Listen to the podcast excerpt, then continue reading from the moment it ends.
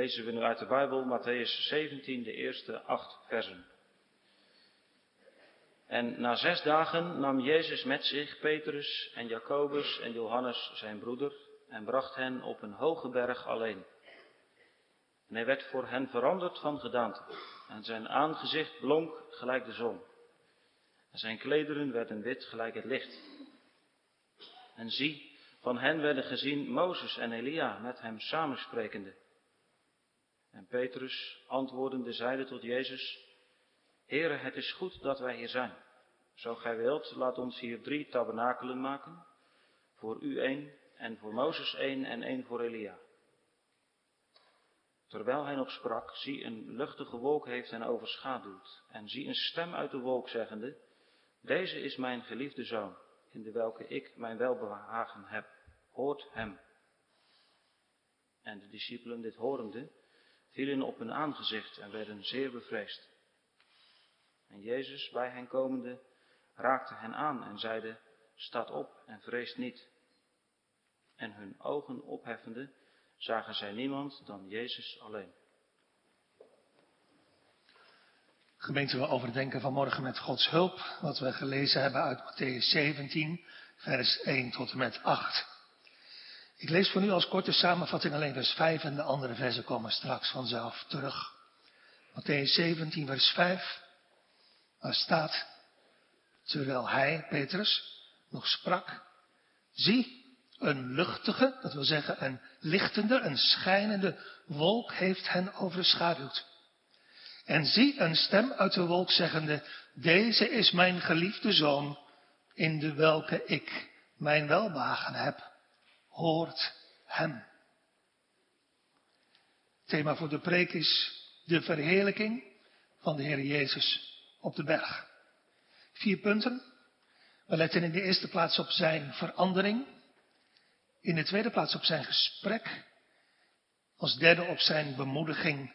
En als laatste op zijn zorg. We beginnen met zijn verandering.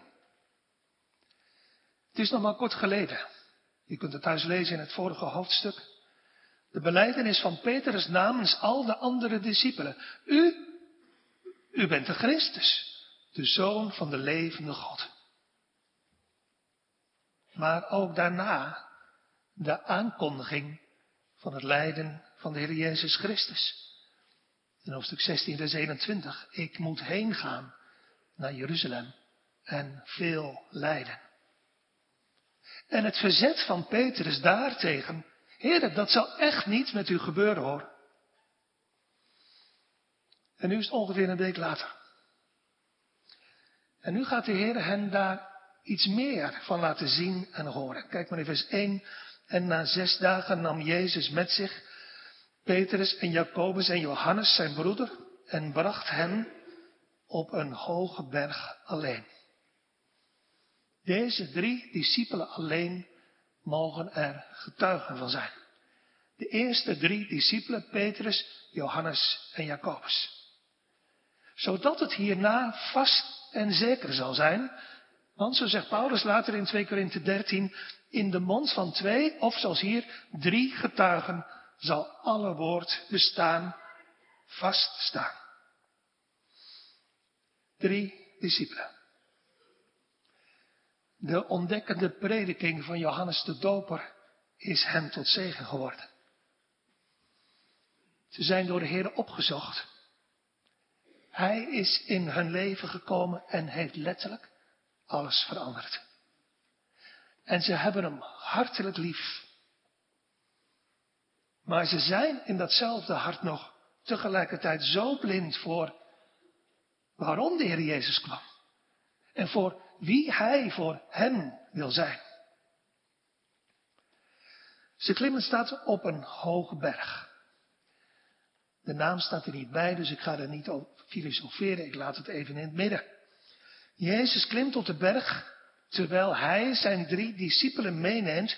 Zo schrijft Lucas in Lucas 9, om daar op die berg te bidden. Dus even goed voorstellen. Jezus zoekt samen met deze drie discipelen de stilte van die hoge berg om te bidden. Want alles wat belangrijk is, ook nu, moet beginnen met stil en verborgen gebed. En terwijl hij bidt, gebeurt het. Lucas schrijft in Lucas 9, hij wordt veranderd van gedaante. Wilt u misschien ook veranderd worden? Meer, zoals we dat zeggen, aan de Heer gelijkvormig. Meer aan het beeld van Christus gelijkvormig worden. Dan moet u dus hetzelfde doen. Ook bidden. Want het verborgen gebed brengt ons dicht bij God. Een van de Puriteinse godgeleerden schrijft, dichter bij God kunnen we op aarde niet komen. Dus dichter bij God kunnen we op aarde niet komen dan wanneer wij in stilte onze knieën buigen en ons gebed tot Hem richten. De Bijbel noemt het letterlijk het opheffen van ons hart tot God. Zoals Psalm 25 zingt, ik hef mijn ziel, o God der goden, tot u op, want u bent mijn God. Zoals de dichter zingt in Psalm 143 en wij zojuist samen ook zongen, doe mij uw goede tierenheid in de morgen stond horen, want ik vertrouw op u en maak mij bekend die, de weg die ik te gaan heb, want ik hef mijn ziel biddend tot u op. Vers 2. En hij werd voor hen veranderd van gedaante. En zijn aangezicht, zijn gezicht blonk als de zon. En zijn klederen werden wit gelijk het licht. Ineens, jongens en meisjes, schijnt zijn gezicht als de zon. Weet je wel hoe fel dat is? En zijn kleding wordt wit. Mark zegt, zeer wit als sneeuw. Zo wit als niemand op aarde wit kan maken. Zo fel, zo schitterend, als het witte licht van de bliksem, waar het woord van Lucas aan doet denken. Zo schijnend, zo blinkend, zo glinsterend, als destijds het gezicht van Mozes toen hij van de berg Sinai afkwam. Hij doet een doek voor zijn gezicht omdat de mensen hem anders vanwege dat felle licht niet kunnen aankijken. Zo blinkend, zo helder, zo schijnend, zo glinsterend, meer nog dan het licht van dat Elia zag bij de berg Horeb. Hij wikkelt zijn mantel om zijn gezicht vanwege de glans van de heerlijkheid en de glorie van God. En ineens straalt dat ook hier. De heerlijkheid van God, zo fel, zo blinkend, straalt ineens de zon der gerechtigheid, Jezus Christus, het licht der wereld. Daar in het noorden van Israël, op die hoge berg, in dat land van de schaduw van de dood, schijnt ineens een groot licht. En niet alleen het gezicht van de Heer Jezus, maar ook zijn kleding schittert als het witte licht van de bliksem. Als een teken van zijn vlekkeloze heiligheid. Dit is de hoge priester, die nooit één zonde gekend of gedaan heeft. Alles schittert en blinkt van de heerlijkheid van Christus. Later denkt Petrus eraan terug als hij schrijft in zijn brief we zijn aanschouwers geweest. We hebben het gezien. Aanschouwers geweest van zijn majesteit. Als teken en bewijs. Hij is de zoon van God. Want zijn goddelijke heerlijkheid en majesteit stralen van hem af. Maar ook als korte vooruitblik op op hoe hij straks na zijn opstanding zal zijn. Maar ook in de derde plaats als troostvolle vooruitblik voor al zijn kinderen nu. Want zoals het hoofd is, zal straks ook het lichaam zijn. geliefde mede-christenen, kinderen van God in ons midden, ons wacht na dit moeilijke leven een heerlijke toekomst. Want zo schrijft Paulus in 1 Corinthië 15, dit verderfelijke lichaam moet onverderfelijkheid aandoen. En dit sterfelijke lichaam moet onsterfelijkheid aandoen. En dan, zegt de Heer Jezus in Matthäus 13, dan zullen de rechtvaardigen blinken gelijk de zon in het koninkrijk van hun vader. Zoals Paulus zegt in Colossense 3, wanneer nu Christus zal geopenbaard zijn, die hier ons leven is, dan zult u ook met hem geopenbaard worden in heerlijkheid.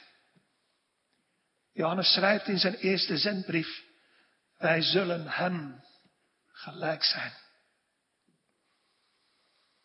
In Christus zijn, gemeente, is grote genade. Maar straks met Christus te zijn, is verreweg het beste. Maar wilt u en wil jij ooit in die verandering ook persoonlijk delen en in die heerlijkheid? Dan moet u hier, innerlijk in uw hart, eerst levend gemaakt en veranderd worden. Dan moet hier onze liefde tot de zonde gebroken geworden, anders passen we daar niet. En dan moet hier door Gods genade liefde tot God in onze harten geboren worden. En dan moeten we hier op aarde door het werk van de Heilige Geest in ons hart, in beginsel, in aanvang, gelijk geworden, gemaakt zijn aan het beeld van Christus. En daarom gemeente, zoek toch alstublieft eerst het koninkrijk van God en zijn gerechtigheid. Plotseling schittert alles van heerlijkheid. Maar de discipelen zijn van moeheid in slaap gevallen. Totdat, schrijft Lucas in Lucas 9, ze ineens wakker worden. En zie, vers 3 van onze tekst. Van hen werden gezien Mozes en Elia met hem, met Jezus, samen sprekend. Ons tweede punt, zijn gebed. Zijn gesprek herstel. En zie, kijk, daar verschijnen ook ineens Mozes en Elia. Ineens is hun slaap voorbij. Ineens zien ze het. En ze weten het ook direct. Het zij door iets wat de Heer Jezus heeft gezegd. Het zij door de inspraak van de Heilige Geest in hun hart. Ze zien ineens nadat ze wakker geworden zijn de heerlijkheid van de Zoon van God. Die schijnt door de menselijke nederigheid van een meester. Dat was natuurlijk vooral tot bemoediging van de Heer Jezus zelf. Hier schittert de gunst en de liefde van zijn Vader. En hier proeft hij iets van hoe het straks zal zijn na die moeilijke weg van lijden en sterven. Maar het is zeker ook bedoeld om deze drie discipelen te bemoedigen. Ze begrijpen het niet. En ze hebben nog zoveel weerstand in hun hart tegen wat de Heer gezegd heeft, dat hij moet lijden en sterven. En nu krijgen ze alvast wat te zien van dat wat daarna zal komen. Wat de Heer Jezus trouwens ook gezegd heeft. Ten derde dagen zal ik opgewekt worden in heerlijkheid. Hier gaat gebeuren wat David zegt in Psalm 36. In uw licht zien wij het licht. De duisternis in een hart. En de duisternis in het hart van Gods kinderen ligt op.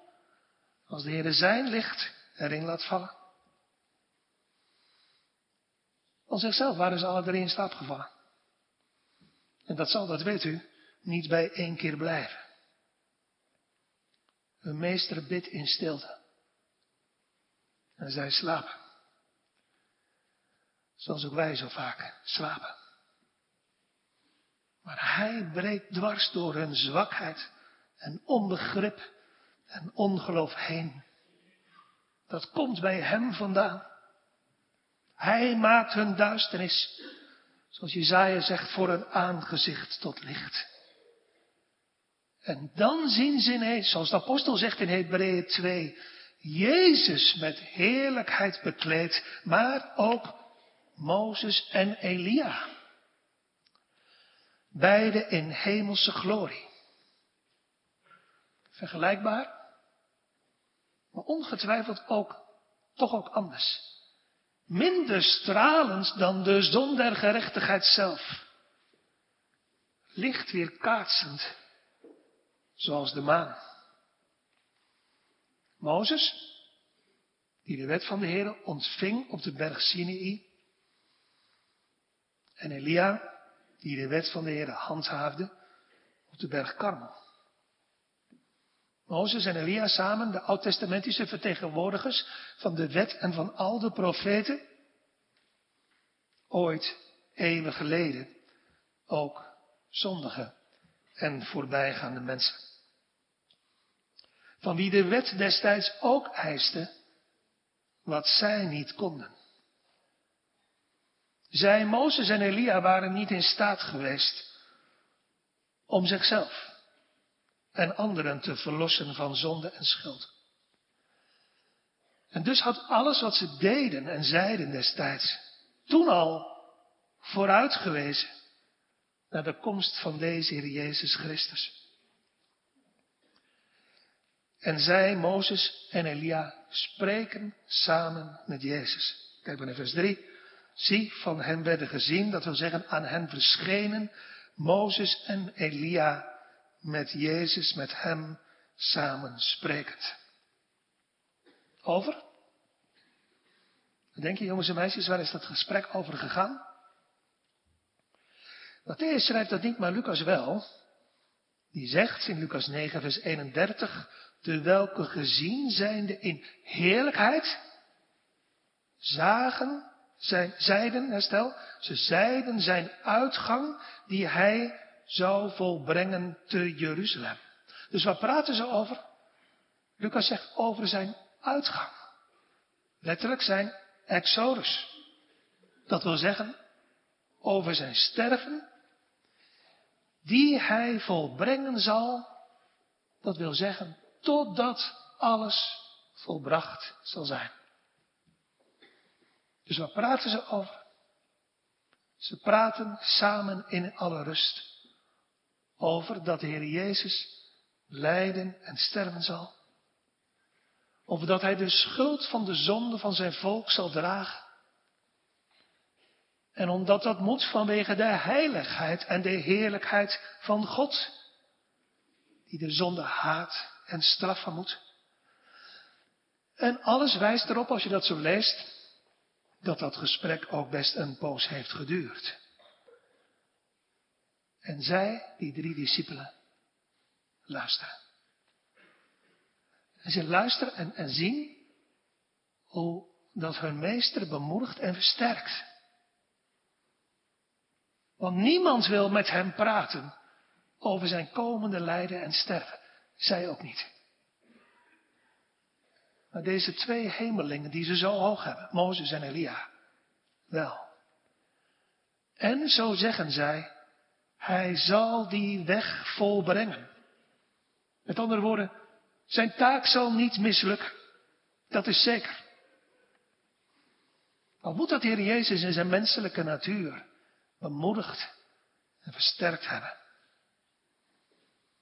Ze luisteren stil en ze horen ook wat ze tot nu toe in hun eigen hart nog steeds zo moeilijk vinden. Maar dit gesprek houdt het hen opnieuw voor. Ze zullen nooit zalig worden door iets van henzelf. Maar alleen, echt alleen, omdat hun meester in hun plaats de dood zal moeten sterven en zal sterven. Ik voor u, daar u anders de eeuwige dood zou moeten sterven. Hemelse bemoediging voor Jezus, maar ook hemels onderwijs voor luisterende discipelen. Zulk onderwijs krijg je niet als je praat of discussieert, want voordat je het weet luister je naar jezelf. Maar wel als je stil luistert naar wat de Heer zegt. En dat alles wat ze zien en horen klinkt als, als vriendelijk onderwijs uit de hemel. Ze praten over de eisen van Gods wet, ooit aan Mozes gegeven. Ze spreken over Gods vlekkeloze heiligheid. En over de onmogelijkheid van hen en van iedereen zich ooit aan Gods wet te houden. Ze spreken ongetwijfeld ook over de offerdienst van Mozes. Over alles wat destijds had heen gewezen naar nu naar deze tijd. Naar de uitvoering van het plan van de zaligheid. Dat de Zoon van God, die schijnt in heerlijkheid, een nederig mens zal worden. Om te lijden en te sterven als het lam van God. Het wil de discipelen die daar staan te kijken en te luisteren nieuwe dingen leren. En dus mogen ze ook stil luisteren naar dat hemelse gesprek. Zodat ze zullen leren begrijpen ja, wat ze nog steeds zo moeilijk vinden in hun hart. Ik kom er niet met de wet van Mozes. Ik kom er niet met de ijver van Elia. Dit is de zaligmaker. Die bereid is om door de weg van zijn lijden en sterven mijn zonde en hemelhoge schuld te betalen. En dus is er geen plaats. En dus is er nooit meer plaats voor mijn eigen inspanningen. Alles van mezelf is zoals Paulus schrijft, verlies. Hoe goed het ook lijkt, vuil, schade en drek. Is deze Jezus. En Hij alleen. Luistert u ondertussen in gedachten ook mee naar dat gesprek. Opdat u ook de hoop, niet een klein beetje, maar de hoop op uzelf helemaal zal opgeven. Alleen deze Jezus. Alleen zijn lijden en sterven en niets anders kan uw ziel en jouw ziel redden van de dood. Ze kijken en ze luisteren stil en ze zwijgen. Maar wat is dat laatste moeilijk en lastig? Om niets te zeggen en alleen maar te luisteren. En we zijn toe aan het derde punt, zijn bemoediging. Want, zo begin ik te lezen in vers 4. En Petrus antwoordende zeide tot Jezus, Heer, het is goed dat we hier zijn. Als u het wilt, zo u wilt, laat ons hier drie tabernakelen, tenten of hutten maken. Voor u één, en voor Mozes één, en één voor Elia. Want, zo schrijft Marcus, hij wist niet wat hij zei, want ze waren zeer bevreesd. Ze zijn bevreesd. Ze zijn bang. Ze zijn heel erg bang. Want zo schrijft Lucas, terwijl Petrus dit zegt, komt er langzaam een schijnende wolk over hen heen. Geen donkere wolk zoals op de berg Sinai, maar een lichtgevende wolk die schijnt. Als zichtbaar teken van de aanwezigheid, van de tegenwoordigheid van de heilige God zelf. Een wolk, lichtend, schijnend, die Jezus en Mozes en Elia langzaam aan hun gezicht onttrekt. Ze verdwijnen uit het zicht in de wolk. En ze voelen tot hun grote schrik de duidelijke aanwezigheid van de heilige God zelf en worden zeer bevreesd. Ze worden heel erg bang. En ze worden nog banger als ze ook de stem van de Heer uit die wolk horen. Kijk maar in vers 5 en 6. Terwijl hij nog sprak, zie, een luchtige, een lichtgevende wolk heeft hen overschaduwd. En zie, let op, een stem uit de wolk zeggende, deze is mijn geliefde zoon, in de welke, in wie ik mijn welbagen heb. Hoort hem, en staat er dan, de discipelen dit horende, vielen op hun aangezicht en werden zeer bevreesd. Ze gaan onderuit. Ze vallen plat op een gezicht op de grond. Dit zijn heilige mannen. Die bezig zijn met de allerheiligste dingen. En hier is niets te zien en te merken van de toren en de wraak van God. Alles schittert van zijn liefde en van zijn gunst en genade. En ze zien alleen maar een glimpje van de heiligheid van Gods glorie.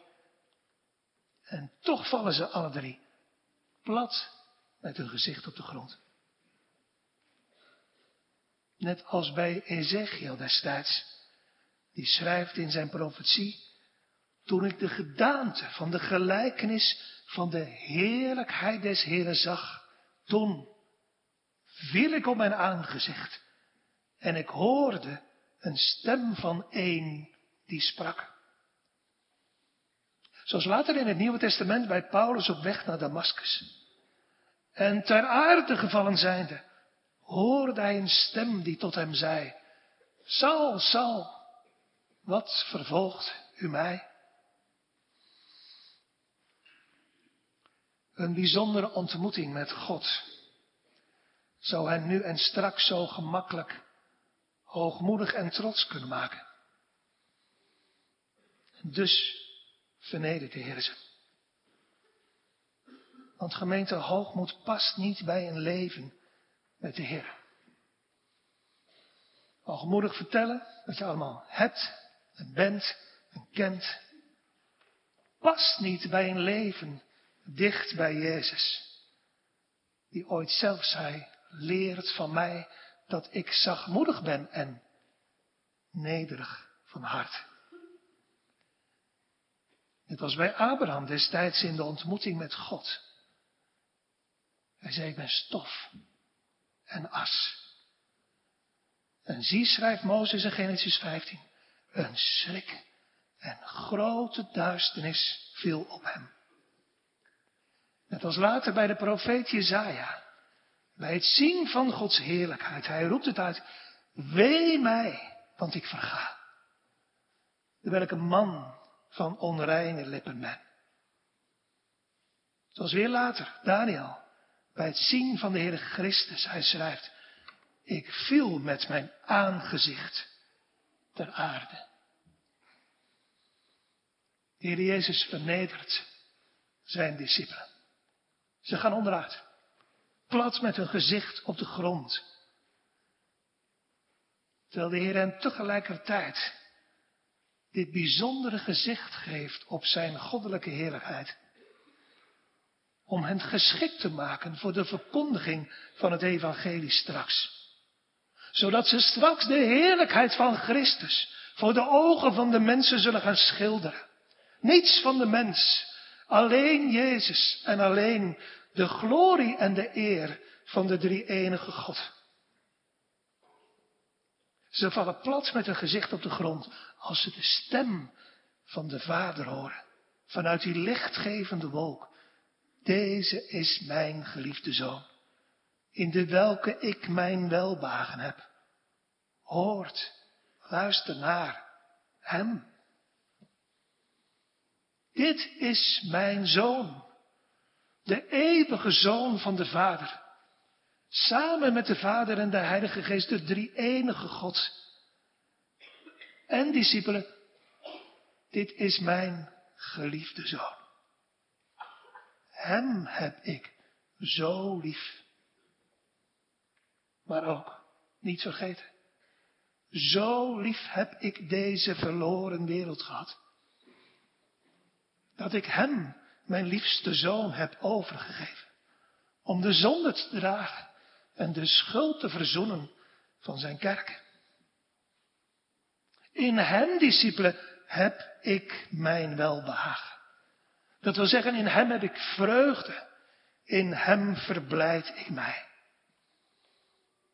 De Vader is blij om de Heer Jezus. Om wat Hij doet en om wat Hij zal gaan doen in zijn lijden en sterven. Om verloren zondaren van deze verloren aarde terug te brengen bij de Vader. Wat schittert daar in die wolk en uit die wolk hemelse blijdschap. Ooit schreef Mozes in het begin van de Bijbel, om het voor ons mensen begrijpelijk te maken. Het berouwde God dat hij de mens gemaakt had. Hemels verdriet. Maar nu is er blijdschap in de hemel. Nu verblijdt de Heer zich in zijn eigen werk, in de uitvoering nu van zijn eeuwige raad. In het goddelijke plan van zijn welbehagen om zondaars zalig te maken. En dus klinkt met kracht en met majesteit vanuit die lichtende wolk, deze is mijn geliefde zoon, in wie ik mijn welbehagen heb.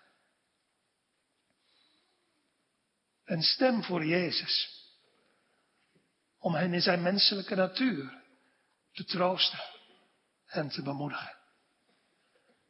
Hij gaat de weg die de Vader wil dat hij zal gaan. En de liefde van de Vader zal niet van hem scheiden. Het, het zal gelukken. Hij zal het volbrengen. Stem voor Jezus. Tegelijkertijd een stem voor deze drie discipelen en voor iedereen. Buiten hem is er geen leven. Die de zoon heeft, heeft het leven. Maar die de zoon niet heeft, die heeft het leven niet. Want gemeente buiten Christus, zo schrijft Johannes later, is het onmogelijk om God te behagen. En de apostel schrijft in Hebreeën 11, zonder geloof in Christus is het onmogelijk God te behagen. Deze stem uit die lichtende wolk is ook een stem die u en mij de weg wil wijzen. Gemeente, u moet Jezus hebben. Anders heeft God geen welbehagen in u. U kunt het niet doen met Mozes. Met uw ijver om netjes te leven en de wet te houden, wat altijd weer mislukt en nooit zal lukken. En u kunt het niet doen met de ijver van Elia. Dan zegt Paulus, door de werken der wet door wat je zelf doet, zal geen vlees rechtvaardig worden voor God. We moeten Jezus hebben. Terwijl we tegelijkertijd van onszelf, net als deze drie discipelen, in ons hart vijanden van God en van Jezus zijn. Die nodig hebben, ook nu, dat de Heer ons opzoekt. Zoals hij bij deze discipelen deed. Door de prediking van Johannes de Doper zijn ze overtuigd geworden van hun zonde. En door de prediking van de Heer Jezus zelf zijn ze nog meer, veel meer overtuigd van hun verlorenheid en schuld. Als je je zonde niet kent en ziet en gelooft, zie je niks in Jezus. Dan zal je nooit tot hem vluchten. Maar deze discipelen zijn tegelijkertijd ook nog zo onwetend en in een hart zo vol van verzet en weerstand tegen de weg van zijn lijden. Want zelf doen, dat zit zo in hun bloed. Totdat. Totdat ze in de ontmoeting met de heilige, met de heilige God plat op de grond gaan. Kijk, daar liggen ze. Drie mannen met een gezicht op de grond. Ze kunnen niks meer. Machteloos. Terwijl ondertussen klinkt uit de wolk. Hij is het. Hij alleen. Mijn enige geliefde zoon. Hoort hem. Luistert naar zijn heil en troostrijk woord. Het is een stem die hun midden in al hun onmogelijkheid, in de tweede plaats ook moed wil geven. Want je kan denken, net als zij, ook nu, Dat het bij het zien van een glimpje van Gods heiligheid, in het verborgen, of lees het in het woord, dat het, dat het over en uit is met je. Een verloren zaak, plat op de grond, uitgeteld, uitgewerkt, gevloerd. Maar juist daar, en juist dan gaat de Heer spreken.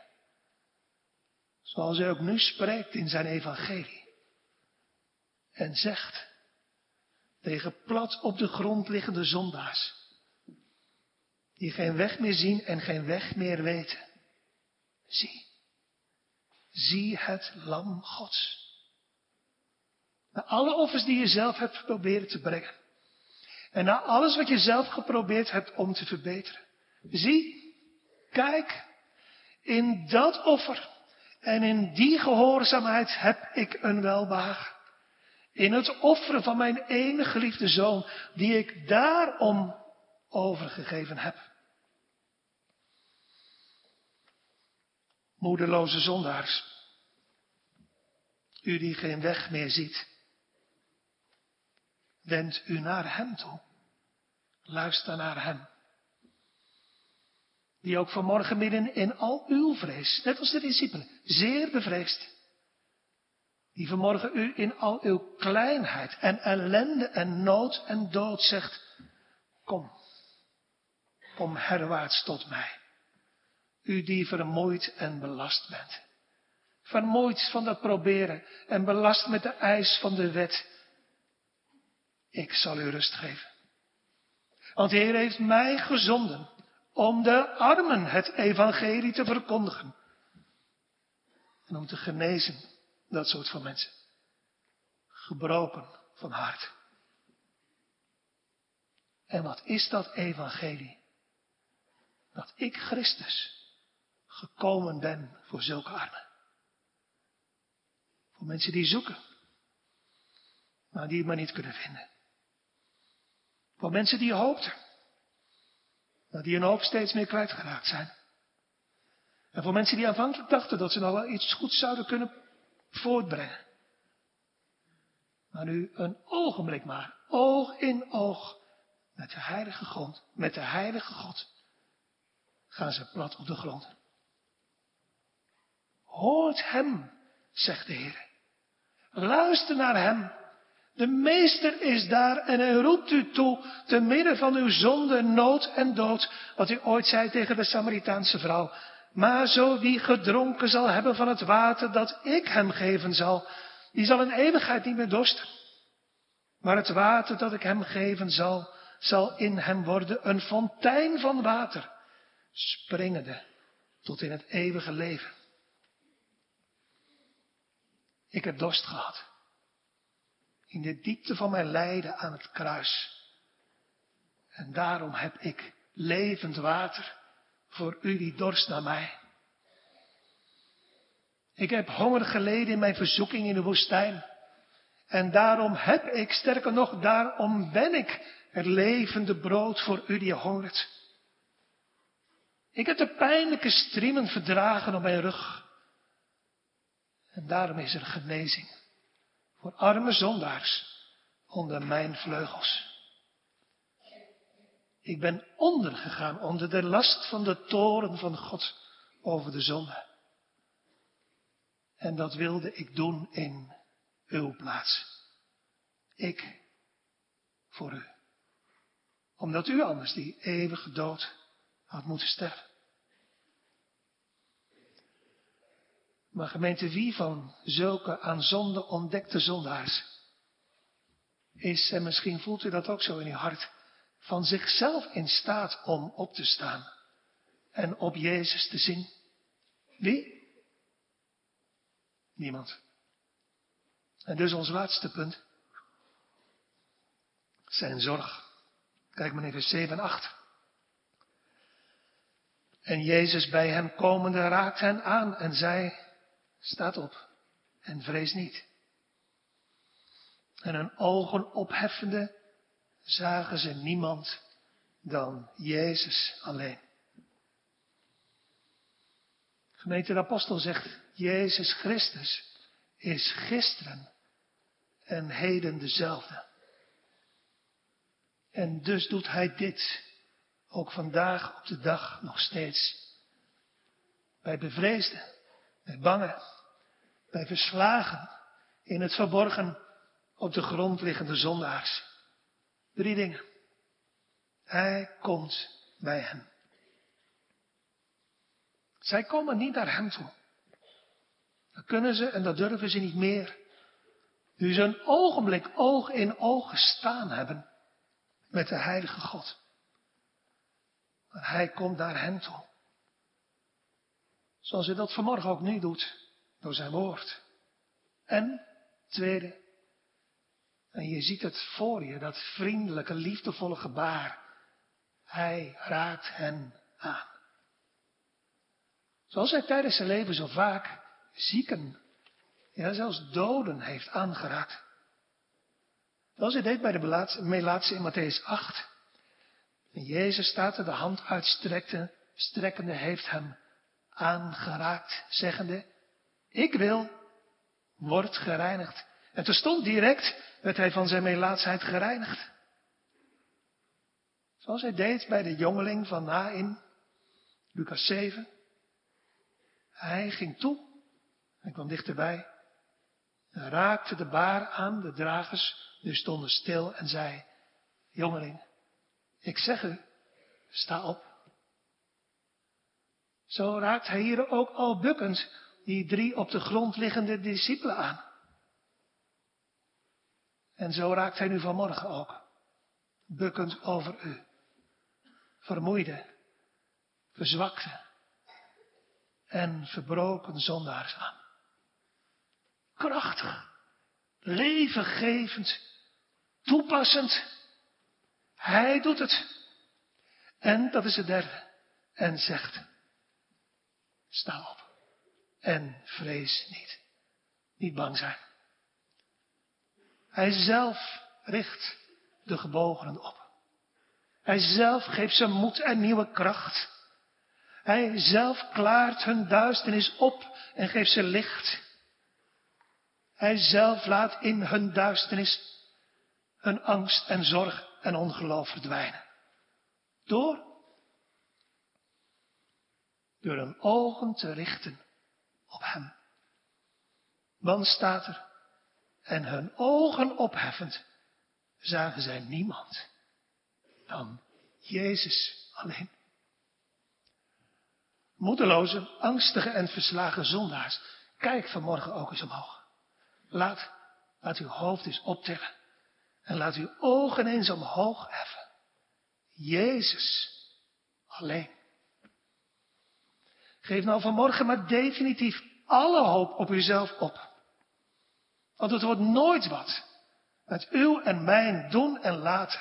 Met onze ijver en inspanningen. Met onze beloftes en goede voornemens. Jezus alleen. Een bereidwillige zaligmaker. Die alles voor u wil doen. Hoewel de discipelen en u en ik hem zo vaak tegenwerken. Maar hier staat hij zoals hij is, bereid van harte, met al de zondaarsliefde van zijn hart, om te lijden en sterven. Voor mensen vol van weerstand tegen die weg. En hij zoekt uw oog en uw hart. Terwijl hij zegt, luister, luister. Ik alleen. Laat Mozes, laat Elia, laat u zelf maar verdwijnen. Want die zullen nooit uw zaak kunnen oplossen. Ik alleen. Hij zelf geven u wat de dichter zingt. U, Heer, heft mijn hoofd omhoog en doet me uw gunst aanschouwen. Uw gunst, uw welbehagen, uw Jezus en uw Jezus alleen. En schrijft Jezaja, de ogen die hem zo gezien hebben, zullen nooit meer terugzien. Lieve mensen, kom en zie. Kom, zoals de Samaritaanse vrouw zei. Ziet een mens die, ook mij, alles gezegd heeft wat ik gedaan heb. Is deze niet de Christus? De zaligheid is in geen ander. Want er is ook onder de hemel geen andere naam die onder de mensen gegeven is, door welke wij moeten zalig worden. Want deze koning, en deze koning alleen, is door Israëls God gegeven om zondaars zalig te maken. Amen. Laten we samen bidden.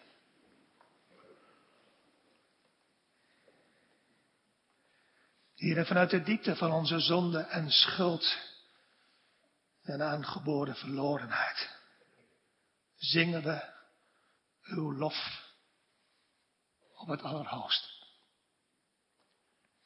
Om uw welbagen, om uw Jezus, om uw Zoon, die u overgegeven hebt, terwijl u hem zo lief had, overgegeven hebt om zondaars terug te brengen tot uw vaderhart. Heere, daar buigt ons hart in verwondering. En daar zingen we uw lof om zo de gunst die eeuwig u bewoog. Mag het vanmorgen zo geweest zijn. En mag het zometeen verder op deze dag zo zijn. Dat gebroken zondaars Jezus zullen zien. En Hem alleen. En dat zondaars die niet op de grond willen vallen, toch zullen gaan vallen. En toch door de knieën zullen gaan. En ook door uw genade. Niemand zullen gaan zien dan Jezus alleen. U, o drie enige God. U, o Heer Jezus Christus. Zij alle lof. En dank tot u in deze dienst ons uit en doorhielp. Het was genade en genade alleen. Om Jezus wil. Amen.